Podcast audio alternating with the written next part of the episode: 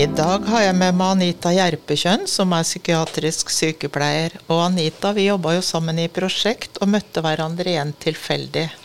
Det gjorde vi. Det var eh, rett før jul, tror jeg, for halvannet år siden eller noe sånt. Så vi møtte oss på matbutikken. Vi blei stående over frysedisken og prate. Sånn, hva gjør du, og hva driver jeg med?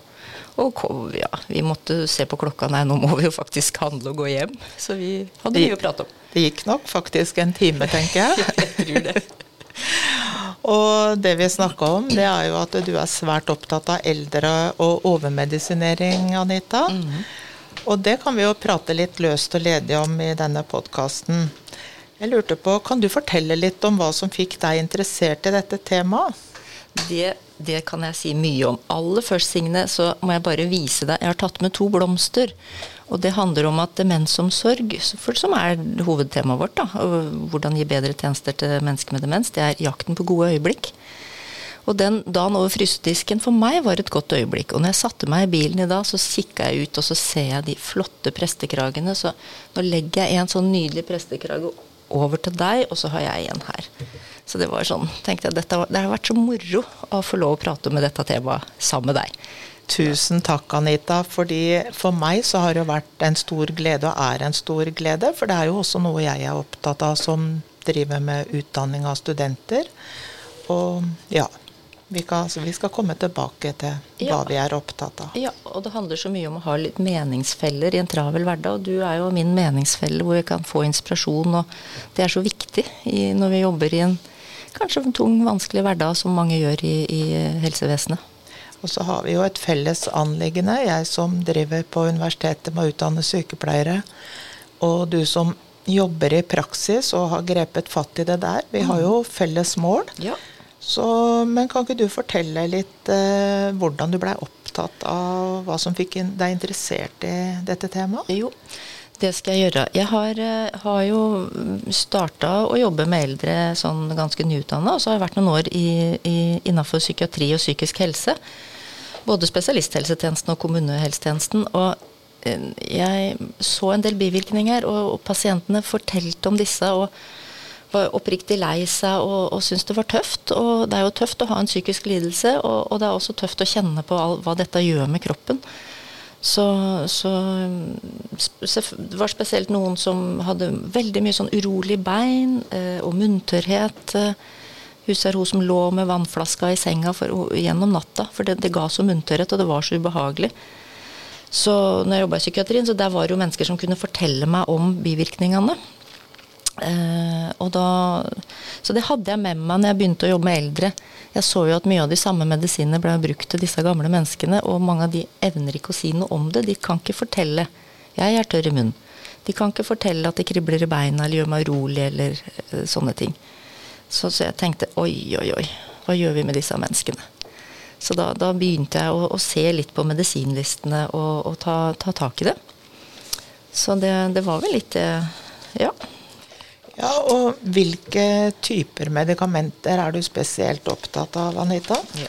Det som, eh, som, jeg som kanskje gjorde eh, Jeg er veldig opptatt av beroligende og sovemedisiner. og det de medisinene er mye brukt eh, selvfølgelig når du har det psykisk vanskelig, men når jeg kom på sykehjem, så så jeg jo at det var jo på veldig mange medisinlister så delte vi ut sovetabletter sånn til mange sånn rutinemessig hver kveld.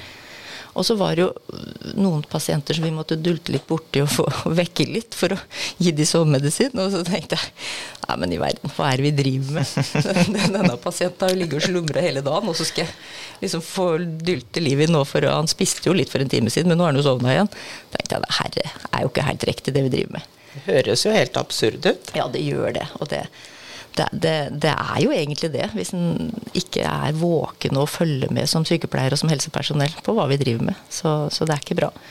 Det har jo vært en tradisjon kanskje å gi mye medikamenter. Altså, jeg husker jo tilbake når jeg var sykepleierstudent på, var ferdig i 1980, så på sykehuset, sånn jeg husker det, så fikk du jo enten Mogadon eller Rohypnol, tror jeg det var. Og, og, det var ikke noe snakk om at ikke du skulle ha sovemedisin, sånn som jeg kan huske det. da. Nei. Så det er jo en tradisjon, så vi kan liksom le av den historien. Ja. Men man er jo utdanna kanskje i en sånn tradisjon for ja. en stund siden. Ja, jeg, jeg, tror det. Og jeg tror kanskje det er Eh, ja, det, det, er jo ikke et enkelt svar på hvorfor folk får medisin eller blir stående på det. og Det er jo det er komplekst, men, men, jeg tror nok det at det er mye utbredt at det er bare sånn vi gjør. Så det, det var jo det som var Når jeg begynte å stille spørsmål ved det, så begynte jo kollegaene mine også å tenke ja, kanskje du har et poeng, Anita. Det her virker jo rart. men det handla jo også om at vi ville berede grunnen for nattevaktene, som er aleine på jobb i ti timer. Så det er, tatt, det er, jo ikke tatt ut av en større sammenheng, men allikevel så, så kjentes dette veldig feil ut. Så det Ja. Og så er det jo en annen ting. Hvor raskt kan man egentlig bli avhengig av B-preparater? Mm, det er fint du spør om, for det er veldig fort. Bli, det å bli tolerant, det betyr jo at virkninga Du må øke dosen for å få samme virkning, og det kan faktisk gå så kort tid som ei uke, både på sovemedisiner og, og um, benzodiazepiner. Kan jeg si litt om Jeg, jeg snakker om sovemedisiner og, og, og beroligende. Mm -hmm. Benzodiazepiner og Z-hypnotika er jo sånne begreper som blir brukt. Så det, det er fint om du forteller litt mer om det. Ja, det kan være greit, å, også, sånn at de skjønner akkurat hva, hva, jeg mener. Og jeg mener jo sånn Sobril, Vival, Stesolid, det er disse beroligende som blir gitt mot angst og uro. Det høres kjent ut. Ja, jeg er sikker på. Jeg er sikker på mange studenter og mange kjenner igjen disse navnene. Uh, og så er det jo Imovane, uh, Solpidem uh, Ja, disse sovemedisinene, da. Det er de jeg hovedsakelig har hatt fokus på. Så mm. Så det, det nei, I hvert fall så begynte vi på sykehjemmet å gjøre litt med det. Tok det opp med legen og, og så at her, vi, her må vi se litt.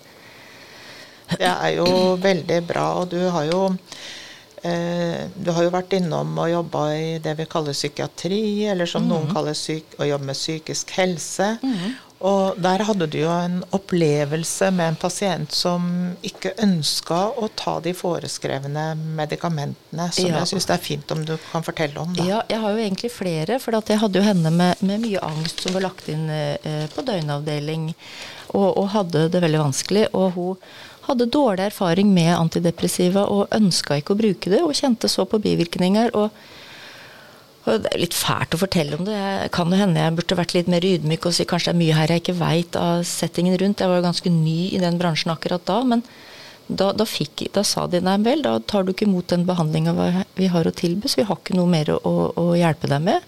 Vel hjem. Det var ganske sterkt. Jeg husker hun sto med tårer i øynene, og det gjorde jeg og tenkte har vi ikke mer å tilby, har, har jeg tenkt. Og jeg har jo skjønt ettertid at vi har jo det, heldigvis. Ja, for det er jo ikke sant. Nei det er ikke det. Og, det, og så, så, etter hvert så bytta jeg jobb og, og har jobba noen år i kommunehelsetjenesten, psykisk helsetjeneste. Men jeg møtte jo egentlig en del av de samme tinga der. Eh, at folk uh, fortalte meg at hvis jeg går på disse medisinene Jeg blir ikke meg sjøl, jeg mister initiativ.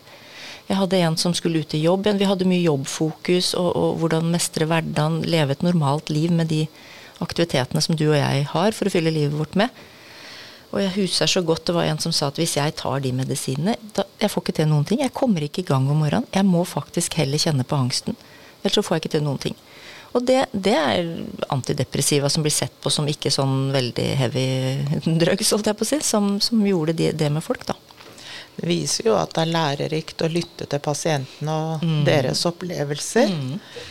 Så, og så tenkte jeg da, når de sier det, og så, og så har du en gammel kropp på 80 pluss som mister initiativet. Du trenger å mobilisere litt krefter når kroppen svikter og huet skranter, og du trenger de kreftene du har, altså. Det gjør du. Sånn litt fleipete sagt, så kan jeg jo tenke tilbake på min karriere og opplæring. og og det var jo selvfølgelig ikke så ille, men jeg har liksom et inntrykk av at det kanskje når du var pasient på sykehuset, så skulle du ligge pip stille for lenge siden. I dag er jo mer fokus på rehabilitering, selvfølgelig. Ja. Og på institusjoner at du skulle sitte stille og ikke være i veien. Og mønsterpasient? Mønsterpasient, og at det lett at det å bevege seg nesten for langt tilbake kunne bli, være tegn på uro eller vandring, da. Ja. Som var sykt, da. Ja, ja, Jeg er jo glad at ting forandrer seg, for det har det jo gjort. Og jeg tenker jo at eh, legen og sykepleierens rolle har endra seg litt. Jeg tenker at pasienter nå også er en mer um, aktiv aktør i egne liv. De googler, og de, er, de, har mye kompetanse, og de kan stille spørsmål fordi de henter informasjon. og Det er ikke så i den grad at legen er den som veit best lenger. Men akkurat med personer med demens, så er jo de så avhengig av vår eh, kunnskap og omsorg. Mm, mm. Så, og da tenker jeg vi kan jo se på kanskje legens rolle og sykepleierens. Er, kan legen være under press for å foreskrive medikamenter da? Ja, det tror jeg i aller høyeste grad. Jeg tror ikke det er noe lett oppgave å være lege, verken i direkte kontakt med pasienter som, som, som, ønsker seg hjelp for sin lidelse. Det kan være ganske høyt lidelsestrøk. Jeg tror det kan være ganske vanskelig. Eh, og også i møte med oss eh, personale som, som, sier at nå er fru Hansen så urolig, nå veit vi ikke hvordan vi skal håndtere henne, vi må få roa henne. Så jeg tror at legen kan være utsatt for et stort press. Men da, da har jeg jo litt lyst til å, å, dele litt egen erfaring i forhold til det at som sykepleier så kan du være en ganske aktiv aktør. Um, der jeg jobba uh, Den kommunen jeg jobba i før jeg der jeg er nå, der skjedde det en del uh, fine ting. Uh, ikke så lenge etter jeg hadde begynt der. det kom en stortingsmelding som heter Leve hele livet. Det handla om livskvalitet hele livet, også når du er på sykehjem. Og den kommunen tok det på alvor. Denne skal vi ta inn over oss. Og ville implementere i, i sykehjemmet så, så godt de kunne. Det betyr at jeg fikk eh, gå på noen foredrag. Jeg var på foredrag med Lise Næss, som er spesialist, spesialist i eldrepsykologi. Utrolig flott og inspirerende dame. Altså det, jeg, jeg, håper jeg rekker å si mer om henne etterpå. Absolutt. Vi har all verdens tid. ja. Og så var jeg på fagdag med Pernille Brusgaard, som også er en viktig stemme inn i dette med overmedisinering. Hun er eh, sykehjemsoverlege på Bekkelagshjemmet i Oslo. Hun har gjort eh, På sitt sykehjem så har hun gjort et godt stykke arbeid i forhold til å redusere unødvendige medisiner. Ehm, på landsbasis så får en sykehjemsbeboer ca. sånn syv medisiner daglig. På hennes eh, sykehjem så er det nede i tror det er sånn rundt mellom én og tre tabletter per dag. Ikke helt sikker på det nøyaktige tallet. Og hun sier at det går så fint å, å, å kutte ut en del medisiner uten at pasientene verken blir sykere eller at det skjer noe. Noen ganger blir de kvikkere. Og det, så det, det, er veldig inspirerende. Og, og, så, og, så, må jeg jo si at det, det, er ikke noe mål for meg at pasienter ikke skal få medisiner. Men de skal få riktig medisin. De skal få det de trenger. Og så skal ikke tabletter og, og sånn gå utover matløsta. For hvis du er 90 år og ikke har matlyst, så hjelper ikke så mye om du greier å ta pilla hvis det ødelegger matlysta di, for det er så vanskelig å svelge den.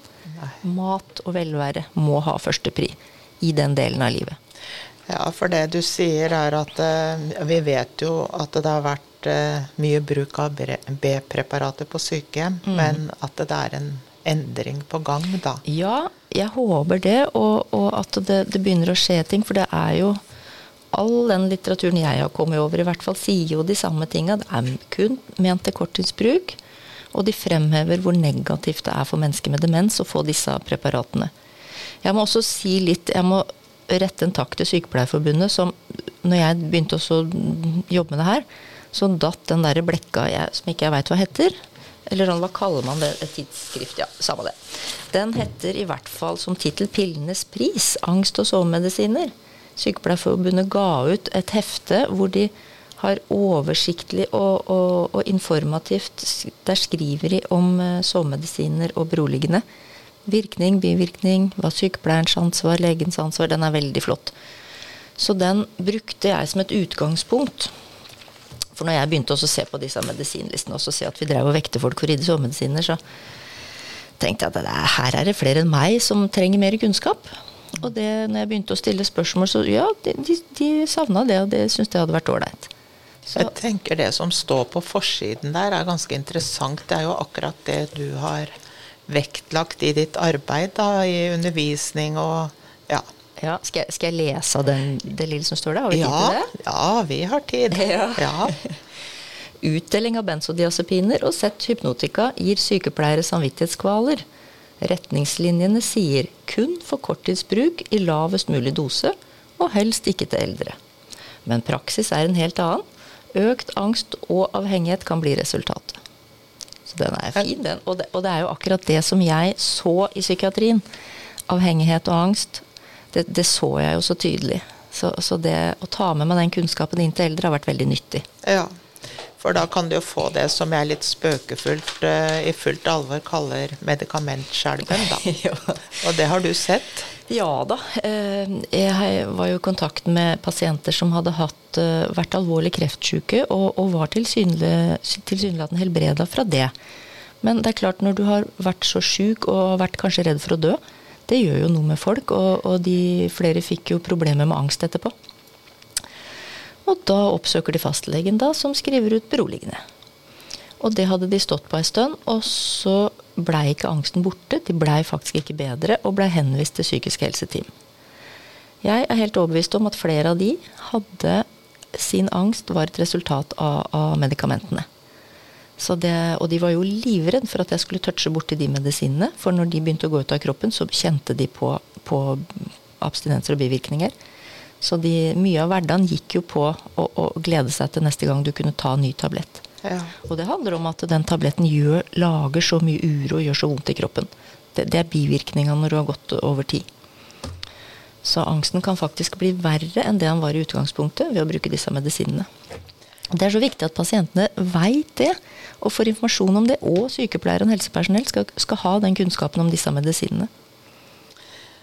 Absolutt. Og jeg tenker at eh, det er jo også et grensesnitt mellom medikamenthåndtering med nøye og observant eh, vurdering av effekt og bivirkninger, mm. og så sett i lys av muligheten for miljøtiltak da, for å øke pasientens velvære. Ja.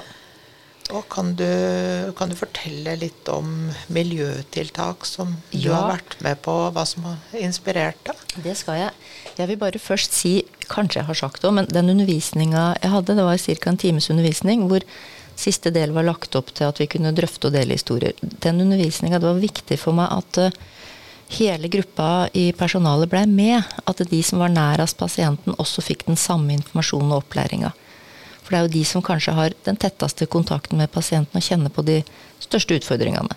Vi sykepleiere går kanskje mer til og fra, er på medisiner og gjør litt andre ting.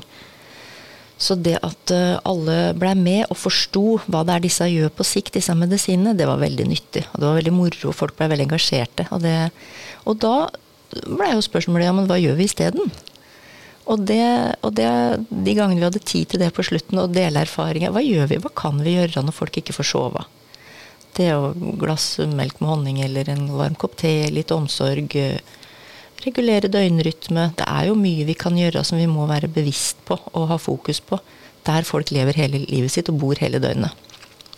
Så um, ja, da skal vi se. For da tenkte jeg på Da kommer jo de miljøtiltaka, de seiler jo opp. og og du har, altså Lise Næss eh, har jo vært en inspirator, f.eks. Mm. Om hvordan personalet blir nesten organisert, kanskje? Eller? Ja, det er veldig moro med Lise Næss. For at hun er en praktisk dame som, som viste praktiske eksempler på på åssen en kan organisere seg i hverdagen. For, for, det er så viktig når du jobber med mennesker med demens. det er jo folk som når de lukker opp øynene, så de Veit kanskje ikke hvor de er, hva gjør jeg her, hvem, nesten, hvem er jeg? Ikke så gærent kanskje, men nesten. De, de, trenger veldig mye støtte gjennom dagen. Så hun, hun uh, lagde, eller har et sånn konkret uh, tips da, til å fordele oppgaver hos personalet. Og det um, Den jobben jeg har nå, der jeg er nå, der jobber vi faktisk mye sånn. Det gjorde de i grunnen når jeg kom dit. Og det betyr at det er et personale som er Jeg kaller det kjøkkensjef, jeg. Som er, er, på kjøkkenet fra morgenen av, og så er de andre ute og, og steller og, og, reier senger og gjør alle de andre praktiske tinga. Og det betyr at når du da har fått stelt av morgenen og, blir fulgt ut til kjøkkenet, så, så, er det alltid en person der som, en viktig, som har en veldig viktig funksjon. Den kan trygge, romme, øh, tilby en kopp kaffe øh, og lagre et godt miljø fra morgenen av. Så det, det fungerer veldig bra. Så bra. Det er altså en kjøkkensjef for mat og gode opplevelser knytta til mat. Da. Ja, jeg kan hende kjøkkensjef er en dårlig tittel. Jeg har bare kalt det det for den. For jeg ser jo at noen ganger så, så kommer andre folk inn og lager litt sånn av oss som jobber, da. Vi, vi, vi, vi, blander oss litt. Og jeg tenkte at den som er på kjøkkenet skal ha regien. Den skal vite at nå har uh, fru Hansen drukket to kopper kaffe, kanskje det holder. For det er noen som er fristende til å gå i skapet og finne et kakestykke og, og, og, og blande seg litt. Og det, noen ganger så blir det litt uheldig. Så, så, den har en veldig viktig sånn miljøskapende og trygghetsskapende funksjon. Det høres jo veldig bra ut, da. å organisere det på den måten. Og, Mm. og det, hvis dere f.eks. litt seinere på dagen skal lage vafler, da, hvordan eh, står man med ryggen til å gjøre det i full fart, eller? Ja, nei, og det er jo uh, Jeg har jo en fantastisk personalgruppe som eh, som tar dette virkelig på alvor, det å lage gode øyeblikk for, for pasientene. Så jeg har jo fortalt de om Lise Næss, noen kjenner jo også litt til det. Eh, og sa det, jeg refererte til henne og sa at hvis vi skal lage vafler eller boller eller noe sånt annet, så, så gjør det ute på kjøkkenbordet. Ikke stå med ryggen til, men ta med alle ingrediensene ut på, på bordet. De fleste har jo sånne trillebord, og du kan ta med deg all verdens der, og så flytta det litt midt ut i rommet. Og så er det viktigere enn den ferdige vaffelen, det er jo prosessen underveis. For det er jo, Mange gamle damer har jo stekt masse vafler, lagd vafler, og det å ha knekke egg og snakke om vaniljesukker og da, da blir det en sånn koselig stund som du kan bruke litt tid på. Det er jo ikke noe poeng. De, disse har, menneskene har jo så mange timer å, å, å bruke i løpet av dagen. Så De har det- jo hele dagen. de har hele dagen. Og hun ene kollegaen min, hun kom og se Anita, se åssen jeg gjør med kveldsmaten også. hun. Hadde tatt dette inn over seg. og For kveldsmaten smører vi ofte sånn i full fart før vi skal ha pause og sånn, men hun gjorde ikke det. Hun tok, gjorde det samme som med vaflene, tok alt sammen ut på bordet. Og da kunne hun si hva liker du på brød? Jo, jeg liker sånn, og pleier du å ha agurk på? Og brukte tida si sammen med de. Og det som skjer, er jo at de som tusler rundt og ikke veit helt hvor de skal gjøre av seg, da kommer de bort, vet du. Så setter de seg inntil. Det er jo Så- noe veldig hverdagslig og gjenkjennbart da, Ja. med mat og tilberedelse av mat. Og det som er så fint, som, som er viktig å huske på, at det at hun bare gjorde det, det krever ikke så veldig mye ekstra tid. Det krever ikke et ekstra personale å snu ryggen andre veien og ta med alt ut på kjøkkenbordet. Og det er litt viktig, og der var Lise Næss så god, for at hun forstår at vi, vi kan godt ønske oss mer personale, men det er ikke alltid hverdagen. Vi, vi må greie oss med det vi har, ofte. Så hva kan vi gjøre med det vi har? Så jeg tenker det at det er noen som skaper et godt eh, klima, eh, gode stemninger, og ikke forsvinner på det som en kollega av meg kalte inn på rommet sitt, kalte barna hennes det når de var Ja. på sykehjem. Ja. Altså på vaktrommet, men at det er noen i miljøet, da. Ja. Og at man driver eh, med hverdagslige aktiviteter. Ja, Jeg tror veldig mange på, på skjerma enheter som jobber med dem, demensomsorg, jeg tror veldig mange har det som et sånn basis, at det er et personale der til stede hele tida. Det tror jeg. Så det så, så mange er nok veldig flinke til det. Men det å dra det enda litt videre, da, trekke inn små aktiviteter som engasjerer pasientene. Mm. Og så kan vi jo komme litt tilbake til miljøtiltak på slutten. Vi har jo andre inspiratorer. Så Men videre så har vi jo tatt legens rolle, og sykepleierens eh, tangerer jo der. Og pårørende er jo også noe som sykepleier og lege forholder seg til. Har de noen innflytelse på Ja. hva pasienten får av medikamenter? Ja, det har jeg. eh, Og i hvert fall så skal de, de prates mye mer. Jeg lurer på om jeg skal komme litt tilbake til det, Signe, for jeg har så lyst til å fortelle litt mer uh, av de erfaringene fra når jeg bytta arbeidsplass til der jeg er er nå. veldig bra. Ja, Veldig bra. at når jeg kom dit, så, så begynte jeg å stille disse spørsmålene og se på medisinlistene. Og her var jo folk med med en gang. Ja, men dette høres fornuftig ut. Nå, dette må vi se på. Og vi begynte å, å gradvis seponere. Jeg har så lyst til å fortelle om han eh, ene som eh, faktisk vi også dulta borti. Sånn, han satt og duppa store deler av dagen, og så hadde han sin sobrill før kvelden. Og vi, vi måtte Du, hallo, nå skal du, nå skal du få kveldsmedisinen din her. Glippa den med øynene også. Å, det er jo helt Det er jo ikke bra. Så, så, så de var jo helt enige om at dette er ikke bra. Jeg må si, Kanskje jeg sa det i stad, men det er klart det. Han har jo en forhistorie hvor han har vært ganske utfordrende også, så jeg, så jeg forstår at det ble gjort. Men, men, så går tida, og pasienten blir gamlere og endrer seg, og, og sånn, og da, da, må vi begynne å se på det. Og da, da kunne vi begynne å se, se at her, nå begynner vi å trappe ned. Det er viktig å ikke slutte brått, for det kan bli veldig vondt og vanskelig. Så vi trappa ned, og han øh, slutta med, snart med Sobril. Jeg må jo si at jeg, jeg var litt nervøs. Her kommer Anita liksom relativt ny og hører her, så nå skal vi gjøre sånn og sånn. Og så jeg var jo litt redd for at bjørnen skulle våkne av dvalen, jeg må si det. så, så, men det skjedde heldigvis ikke. Han blei kanskje litt mer hissig, lite grann. Det, så, for han blei jo mer våken. Og kunne begynne å gå mer på beina sine. Kunne gå fra rommet sitt til matbordet i mye større grad enn han hadde gjort før. Og det er jo det er ganske flott, syns jeg. Ja. Og vi hadde litt humoristiske samtaler med den, og, og det var, eh, så det var bra. Vi hadde også en til som, gått, som gikk på mye smertestillende, jeg tror det var flere slag. Og han sa at han, han smatta, men jeg tror han var skikkelig munntørr. Og så hadde han ristninger og, og, bevegelser i beina og sånn, så jeg begynte å lese litt på bivirkninger. og hm, her må vi se på sakene. Og så, så fjerna vi. Litt og litt og litt. Så ingen forskjell. Kunne ikke se at han hadde noe mer smerteproblematikk. Noen ganger så, Han var rullestolbruker og hadde ikke språk. Noen ganger tok vi henne bort til sånne sykler som du kan kjøre rullestolen inntil, og så satte i gang. satt han der og sykla litt. Og. Så det, det, det, har vært veldig vellykka. Det, det, er ikke noe farlig å prøve. Forsvant så... medikamentskjelven, som jeg kaller det. Litt ja, spøkefullt. ja, det roa seg hos han. Han hadde fortsatt litt igjen. og det er det som er så vanskelig med mennesker med demens, at de får jo så mange andre symptomer som sykdommen gjør med de, som er lett å forveksle. Hva er det medisiner som gjør, og hva er det sjølve demenssykdommen som gjør? Så det er en utrolig utfordrende og kompleks gruppe å jobbe med. Vi må tenke liksom på den store helheten her. Vi må tenke i mange retninger. Og samtidig så gjør alderen sitt, så Ja. ja. Det gjør det. Så men, Men, uansett så har jeg i hvert fall tenkt da, de, de åra som jeg jobba i psykiatrien, sånn at jeg, jeg, tenkte ofte at her medisiner har for stor plass. Det, vi, vi, vi, diskuterer for mye opp eller ned dose, bytte preparater. Den gangen ønska jeg så mye mer fokus på hva er det som gjør at jeg kan takle livet mitt med angsten. Hvordan kan jeg få betalt regningene? Hvordan kan jeg finne andre, andre mestringsstrategier? Og det er jo det som er så fint i forhold til Lise Næss og det med å det må gi en, en meningsfull hverdag. Det var derfor jeg tok med en blomst til deg. og Det bare symboliserte litt sånn mening og det å ha gode øyeblikk. Det trenger vi jo alle. Og jeg tenker ja. personer med demens de er jo helt avhengig av eh, de gode øyeblikka. Da. Så mm. eh, vi har jo snakka litt om f.eks. det med tvangs-TV, som Stein Huseby har snakka om. At alle blir eh, satt foran en TV, kanskje med veldig høy lyd, så ikke det blir hørt, de ikke hører hvis vi snakker med dem. Ja.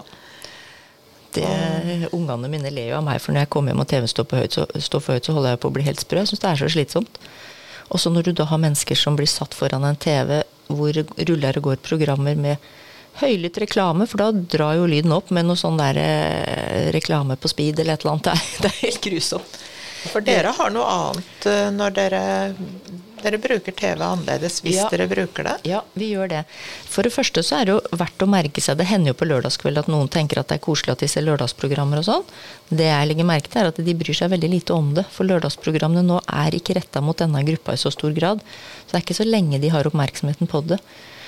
Men vi bruker faktisk TV-en aktivt om, fra morgenen. Eh, kjøkkensjefen vår, som jeg kaller vedkommende, setter på TV og finner Det ligger så mye sånne flotte filmer som er sånne rolige, med rolig musikk, nydelige naturbilder som går sånn sakte. Bildene bytter sakte. Så når de kommer inn om morgenen, så TV-ene nå er så store. De var ikke det når vi var små, Signe. Da var de mye Nei, mindre. Hvis vi hadde TV, da. Ja, hvis vi hadde TV. Vi hadde svart-hvitt lenge. Og du verden. Det er en annen historie. Men i hvert fall så er TV-ene ganske store, så de bildene Det er jo veldig flott. Det er jo et stort maleri. Så, så når de kommer inn om morgenen, får en kopp kaffe, kan sette seg ned og bare slappe av. Jeg ser at de ser på disse bildene. Oi, se der, ja, der var det nydelig. Der skulle vi vært på tur. vet du, Tenk å gått i de fjellene der. Da har vi litt sånne ting både å snakke om og slappe av til. Vi har ei som er veldig glad i katter, og en av disse filmene kan vise kattunger. Som gjør mye morsomt og er veldig søte. Så det, sånn bruker vi TV. Og vi kan hente opp gamle programmer. Det er også veldig morsomt. Toppen Beck hadde noen, noen, et program som heter Herskapelig. Det har vært veldig populært. Så Hente opp ting som kan være relevant for dem. Og så må vi følge med da, på det. Syns de det er ålreit, eller er det ikke? Og hvis de ikke bryr seg om det, så slår vi det av. Og jeg tenker at vi også skal tåle litt stillhet. Vi må ikke alltid ha lyd. En menneske som har demens, har, blir nok mer sliten enn oss andre. Og, og hvis du plundrer med å høre, kanskje plundrer du med å se Du bruker du må, du må, bruke mye energi på sansene dine for å oppfatte hva som skjer rundt deg. Da er det ikke noe lurt å ha noe lyd. Verken radio eller TV bør stå på når vi spiser eller når vi prater sammen. Demp lyden, slå det av.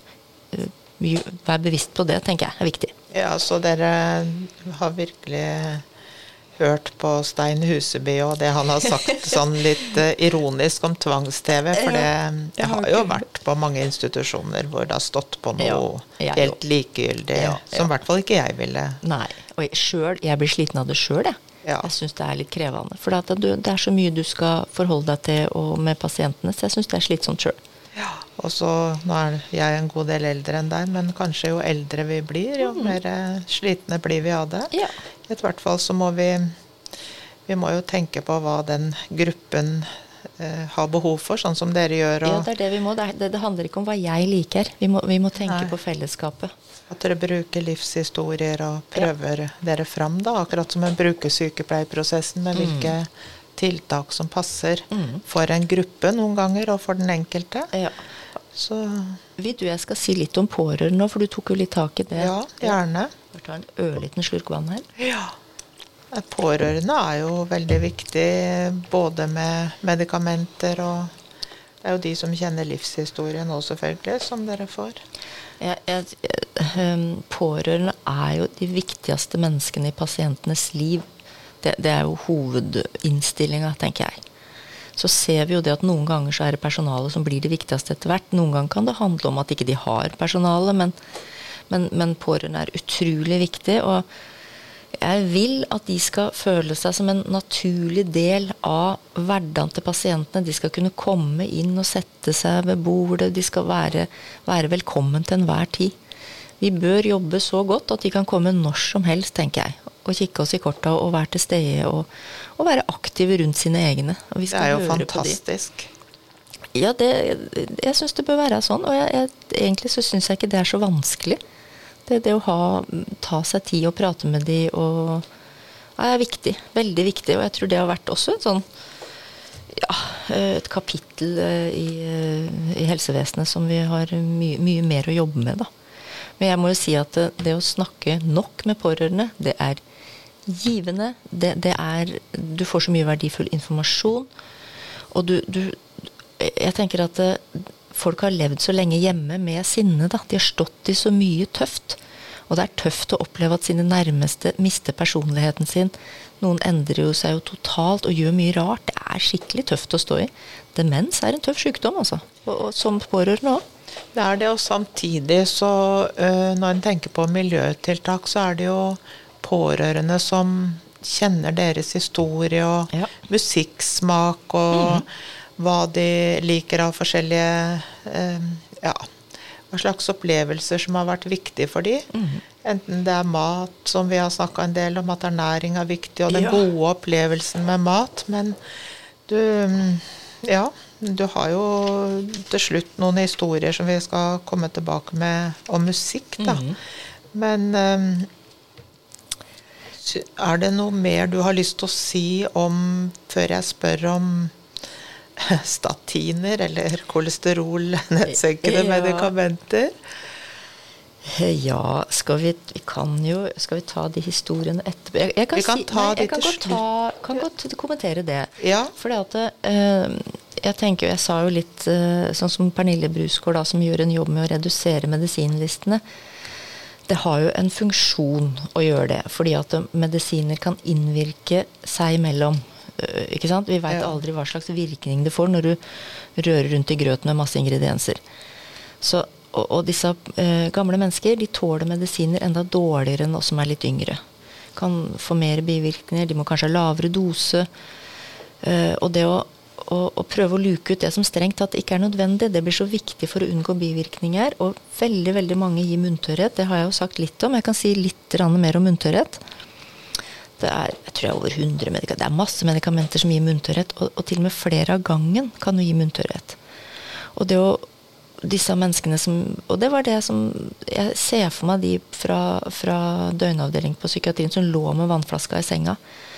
Og så tenkte jeg på dem vi legger om kvelden. De trenger å ligge mange timer i senga, men du får kanskje siste svølgen med drikke ved sju-åtte-tida. Så ligger du der i tolv timer til dagvakta kommer inn. Er du heldig og er våken og har kontakt med nattvakta, så får du nok ofte en slurk der òg, men det, da må den være bevisst hvis ikke du kan be om det. Så jeg tenkte, tenk deg, har du vært skikkelig tørst noen gang, Signe? Skikkelig, skikkelig tørst? Absolutt, det har jeg vært. Ja, Og tenk deg å ligge sånn i tolv timer hver natt, da. Det er ikke noe ønskedrøm, altså. Og så kommer folk inn med brødskiva, og så får du nesten ikke tygd den, for at du har ikke noe fuktighet i munnen. For ikke å snakke om alle de medikamentene som henger seg fast, da. Ja, I munnhulen. Ja, det, altså, jeg veit ikke sånn Paracet. Ett gram Paracet er en relativt stor tablett. og Ofte så knuser vi den og så rører vi den rundt i syltetøy. da. Ikke for å gi medisin med tvang, for det gjør vi ikke hos oss. Da, da må vi vurdere noe annet hvis de ikke vil ta det. Da slutter vi med de. Men, men det er jo for at ikke de klarer å svelge den store tabletten. og jeg jeg jeg skulle hatt smakt på Har du smakt på det? Den syltetøykladasen? Jeg har, jeg har prøvd det, og jeg Ja. syns jo det er helt eh, ja, motbydelig. ja, så, så er du munntørr, du har sandpapir i munnen, du starter dagen med tabletter. For, for det er en travel hverdag, hvis jeg er medans- medisinansvarlig, jeg, jeg må jo få ting til å gå litt unna, så jeg vil gjerne ha gjort det med en gang, litt full fart. Og det er ikke sikkert det passer pasienten. Så det, det med munntørrhet, matlyst, det å vurdere er dette egentlig nødvendig i dette stadiet av livet. Kanskje vi heller skal kose oss med den halve brødskiva med syltetøy som pasienten har bedt om å ha lyst på. Og hvis de, også sånn kolesterolsenkende Er det viktig å forebygge høyt kolesterol når du er 97? Jeg synes det, det lurer jeg på om ikke legemiddelbransjen er, eh, tjener gode penger på unødvendig medisinering.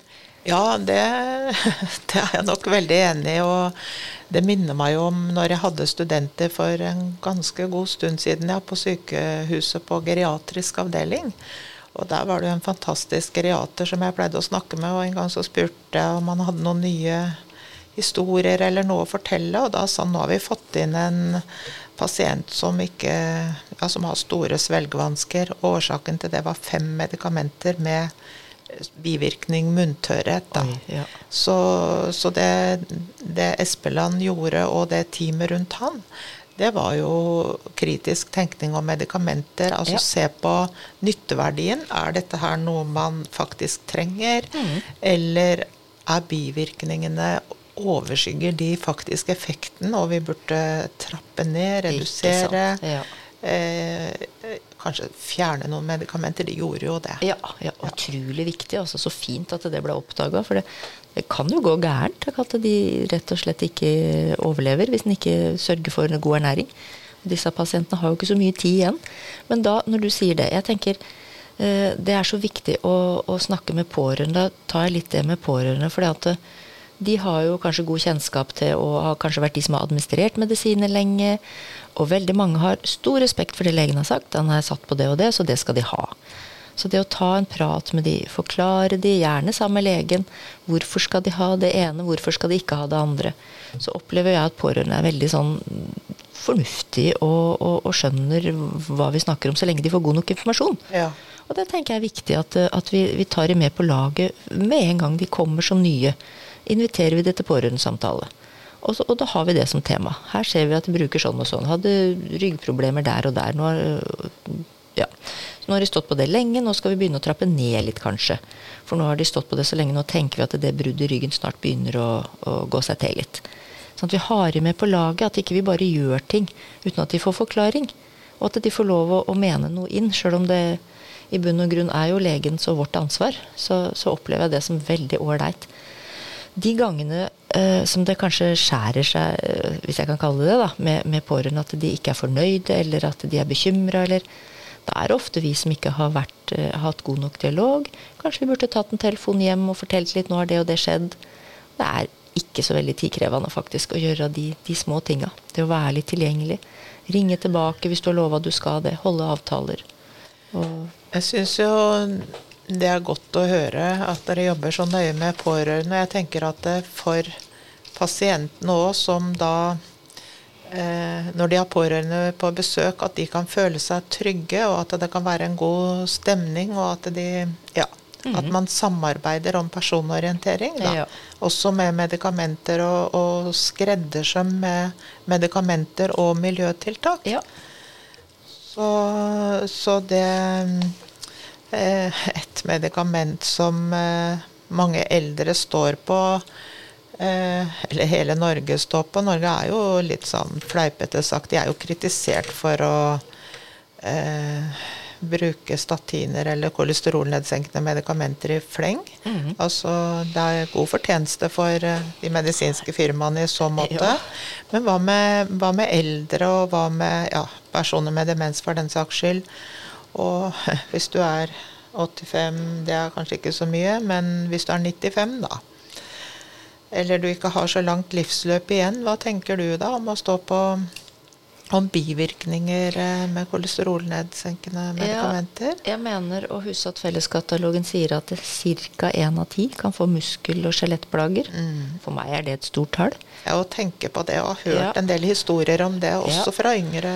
Og, og, jeg har lest et sted at hvis du slutter med det, så kan det ta lang tid før bivirkningene forsvinner. og som, som eldre person så har du kanskje en del vondter. Det, det hører litt med til å bli gammel. Jeg syns jeg har begynt å kjenne det sjøl når jeg går ut av senga om morgenen, Signe, men det er kanskje litt, du er stiv og støl, og, og, til du får lede deg til litt. Så, så det med det å bli eldre, det med inaktivitet, kan jo også i seg sjøl gi smerter. Så, så, jeg igjen da, så tenker jeg det å, å, prøve å tenke litt aktivitet, tenke litt alternativer.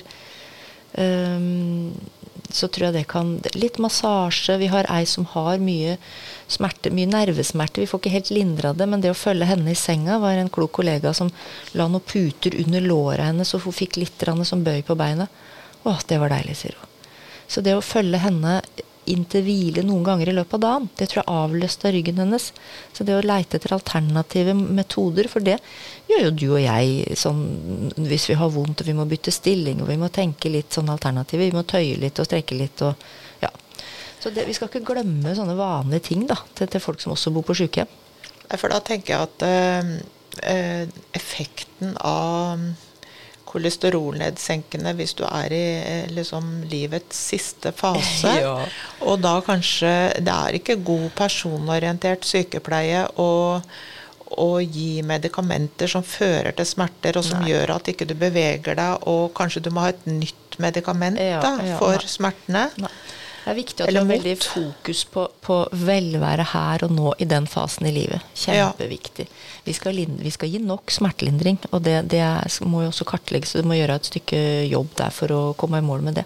Så det er en utfordring noen ganger. Så det så jeg har bare lyst til å si en ting. Altså, noe ja. som jeg syns er helt latterlig. Det er kanskje ikke det verste, men jeg har jo sett en del at uh, ganske mange eldre har blitt satt på ett gram Paracet ganger fire. Nå er det kanskje ett gram Paracet ganger tre. Ja. Og da har det vært en eller annen hendelse. Men for meg så virker det som de har stått på det til evig tid, altså inntil døden. Ja. Har du noen tanker? Ja. Ekteskap nummer to, det er tabletten.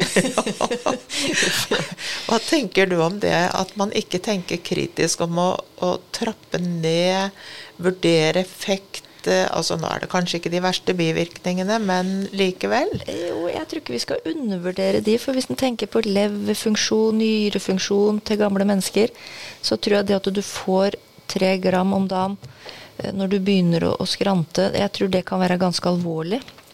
Eh, det har jo vært snakka litt om Paracet-huepine. Det har jo hørt lite vært tema på sykehjem, med de som får det hele tida. Ja. Det som jeg syns har vært moro med de undervisningene jeg har hatt, er at det da blir ofte det tema. Det med den Paraceten. Jeg snakker om munntørrhet, og må de egentlig ha den Paraceten? Jeg ønsker meg jo at smertelindring skal være mer som en kur. At vi, vi, vi, nå, nå, vi hadde en som fikk vondt i hofta her om dagen. Nå tar vi tre-fire dager med, med Paracet, og så ser vi kan vi trappe det ned og ta det bort igjen. At vi har et mye mer aktivt forhold til det. Og på de undervisningene jeg har hatt, så, så har folk liksom begynt å tenke Oi, ja, men den og den står jo på det og det. Nei, men her. Og så har de gått tilbake i avdeling og begynt å se på det. Ja. Og mine kollegaer har jo begynt å si til meg, Anita, du trenger jo egentlig den medisinen. Og da, da blir jeg varmert. Sånn skal vi jobbe. Ja, for jeg tenker med kroniske smerter så blir det jo igjen eh, personorientert eh, sykepleie. At man, sånn som du sier, at en skreddersyr om en trenger eller ikke, og om det er andre tiltak. Ja. Og vi må huske at folk får toleranse. De utvikler jo toleranse også for A-preparatene. Så når du har gått på deg en stund, hvis du fortsatt har like vondt, så, så, har jeg tenkt at da må du faktisk øke dosen. Og hvis det ikke skjer, kanskje vi kan trappe den ned? Jeg interesserer meg jo litt for uh, opiater og ja, misbruk av opiater. Altså mm. at det på en måte er eh, påført av helsevesenet. Da. Ja. Og det man ser i en del studier, er jo at det er jo ikke alltid at opiat er den eh, beste smertelindring. Og sånn kan man tenke med alle medikamenter, at du må finne rett medikament og rett dose. Det er jo ikke det at ikke du skal ha det, men det må ha en effekt, og det må ikke ha mer bivirkninger. Altså de må ikke overskygge effekten. At dette her krever veldig årvåkenhet. Mm, og, mm. og jeg vet ikke om du syns det er greit at vi går over til å snakke om en modell som heter tid, eller har jo. du lyst til å fortelle noe annet først? Ja, for at jeg har lyst til å si litt mer fra erfaringa i vår egen avdeling. For det, det jeg syns har vært så bra med de har vært på foredrag med Lise Næss, Pernille Brusgaard, også Audun Mysja de menneskene viser oss jo at ting virker. Det nytter. Det går an å ta bort medisiner og erstatte med miljøtiltak. I vår avdeling nå så har vi ingen som får sovetabletter. Uh, Isteden så kan det hende vi deler ut en Paracet hvis de har smerter. Uh, kanskje de får litt mat. Uh, sitter litt sammen nattevakta under teppet lite grann. Um, heller ingen som får Sobril.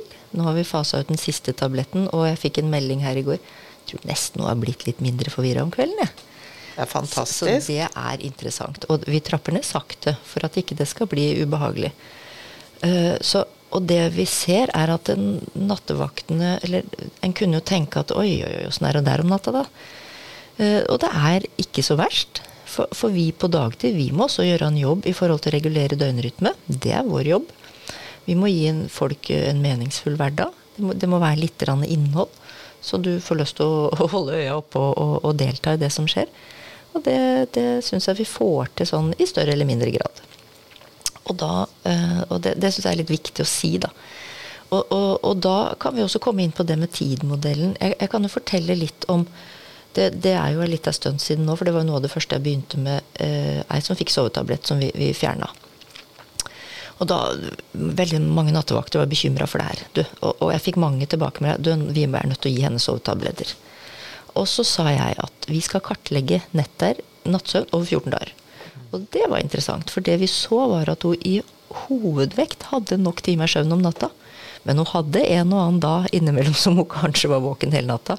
Og jeg forstår at det er utfordrende å være nattevakt, men jeg syns ikke det ga oss ikke grunn til å begynne fast på sovetabletter. Så jeg fikk doktoren til å skrive kan du sette på medisinkortet på eventuelt-lista maks to sovetabletter per uke. Og det som var så gøy, var at når noen sa du, det her er helt forferdelig, hun sover jo ikke om natta, vi må jo gi den dama noe. Nei, men du, hør her, vet du hva, hun har vi faktisk kartlagt, og sånn og sånn er det. Og da hadde jeg et praktisk øh, Jeg hadde jo noe å vise til. At det er faktisk ikke grunnlag for det. Men, og hvis det er for uholdbart, så kan du gi henne en, da. For hun står faktisk på. Men hun skal ikke ha mer enn de to per uke. Det endte med at hun aldri har fått det, så vi har fjerna det fra lista. Også hun, og hun er jo en dame som, eh, som, eh, trenger litt omsorg noen ganger. Kan bli litt redd og engstelig. Men jeg ser at hun fungerer etter forholda i sin demensdiagnose. Den er kommet ganske langt. Ganske forvirra til tider. Men hun klarer å sitte rolig, klarer å slappe av i stolen. Hadde hun fått B-preparater, så er jeg veldig sikker på at hun hadde gitt oss en mye, mye større utfordring enn det hun gjør per i dag.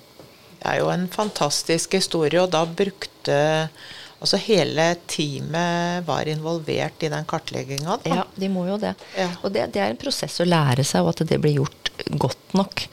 Men kanskje da uh, er tida inne for å snakke litt om TID-modellen, eller? Ja, det syns jeg er ja. veldig fint, hvis vi kan få inn den. For ja. den uh, den har du lært meg om, og den eh, skal jeg ha inn på universitetet. Det er mitt mål. ja, vi har, vi har, noen fine ledere som eh, for noen år tilbake som eh, var enig med, med oss at vi trenger en metode, en behandlingsmetode til mennesker med psykologiske og atferdsmessige utfordringer. Og da hadde jeg Jeg har en god kollega, en fagutviklingssykepleier, som kjente til TID-modellen. Det er en norsk lege som har utvikla en tverrfaglig eh, intervensjonsmodell.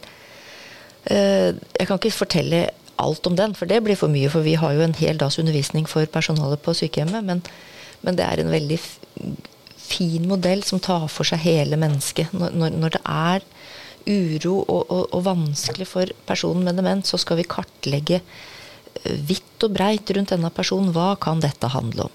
Kan det handle om fysiske plager? Handler om hjemlengsel?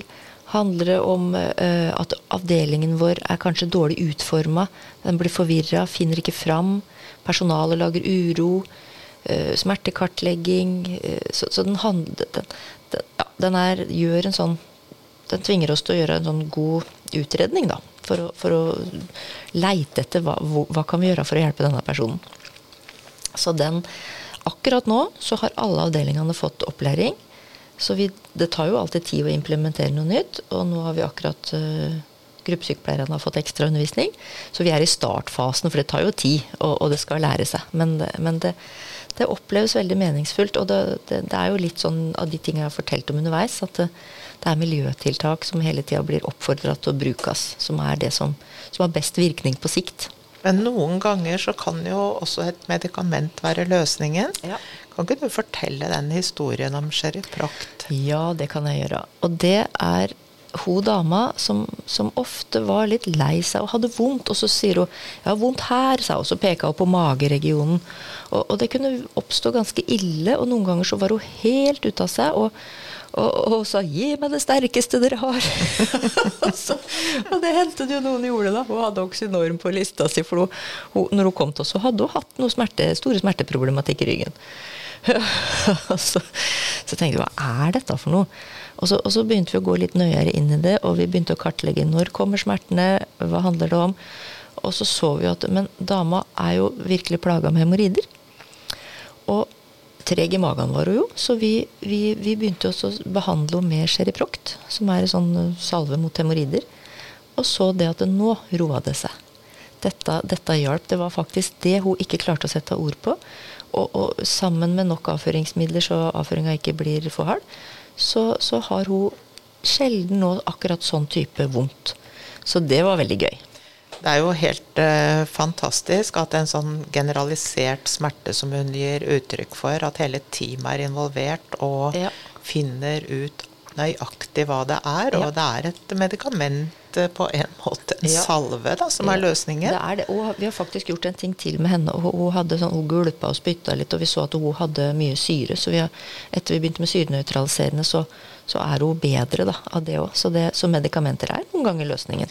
Ja, det er nøyaktighet da, og kartlegging Ja. og følge opp. For det har også TID-modellen, at du følger opp over en periode om det har Ja. effekt. Det har jo sykepleierprosessen òg, men det er det at du involverer hele teamet systematisk. Ja, Det vi jobber mye med, som jeg kjenner mye på sjøl at ikke er god nok, det er jo den evalueringa når du setter i gang noe. Funker dette, eller? Har det virka som vi har tenkt? Ha, har smertestillende den effekten vi tenkte, eller skjer i prokt, eller får vi den virkninga vi ønsker, eller ser vi ingen forskjell? Og hvis ikke vi ser noen forskjell, så tenker jeg kanskje da bør vi vurdere å seponere det, for å heller unngå de bivirkningene som vi risikerer, da. Ja, det er jo i skarp kontrast å få den kritiske tenkninga inn i forhold til det gammeldagse med å stå på ett gram Paracet ganger Ja. fire den gangen, da. Ja, ja. Så, neimen, så bra. Men skal vi gå over til altså det er jo, En må jo ha miljøtiltak. eh. Og vi skal jo ikke utbrodere det for mye, men vi har jo litt f.eks. om Audun Mykja, som er en interessant lege. Ja. Han var jo hos oss noen timer eh, her en ettermiddag, og det var litt av en opplevelse, Signe. For en mann! Ja, jeg var jo med, og han har jo vært hos oss på universitetet, og han har vært i det prosjektet som vi var før med Sansehage. Så Ja. var han jo faktisk og snakka om musikk. Ja. Og, og, og jeg tenker det temaet fortjener mye oppmerksomhet, Ja. og han har jo vært en pådriver. Ja. Og dere har jo brukt hans tankesett, da. Ja, han eh, Hvis jeg hadde møtt han, så tror jeg det hadde blitt litt starstruck. Ja. jeg syns han var så fin.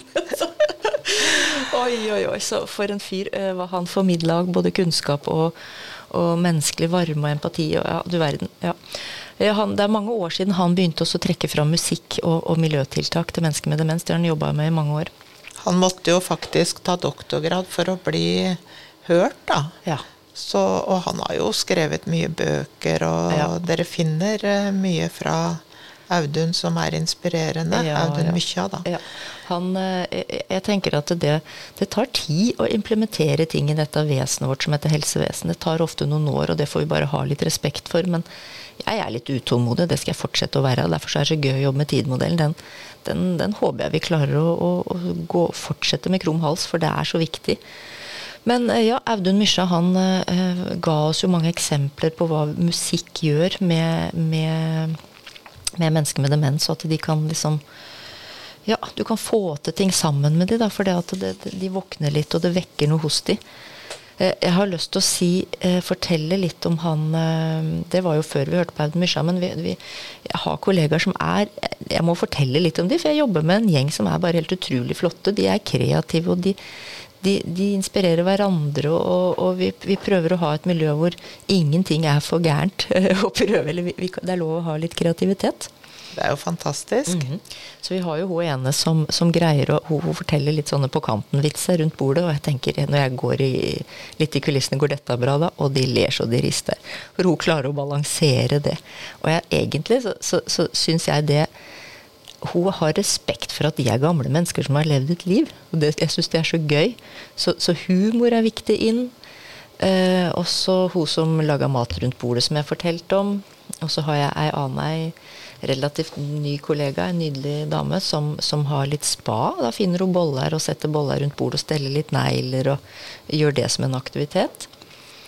Uh, og etter Audun Mysja hadde vært hos oss, så, så var vi jo vi var, vi var, helt sånn fulle av inspirasjon. Det var ordentlig gøy.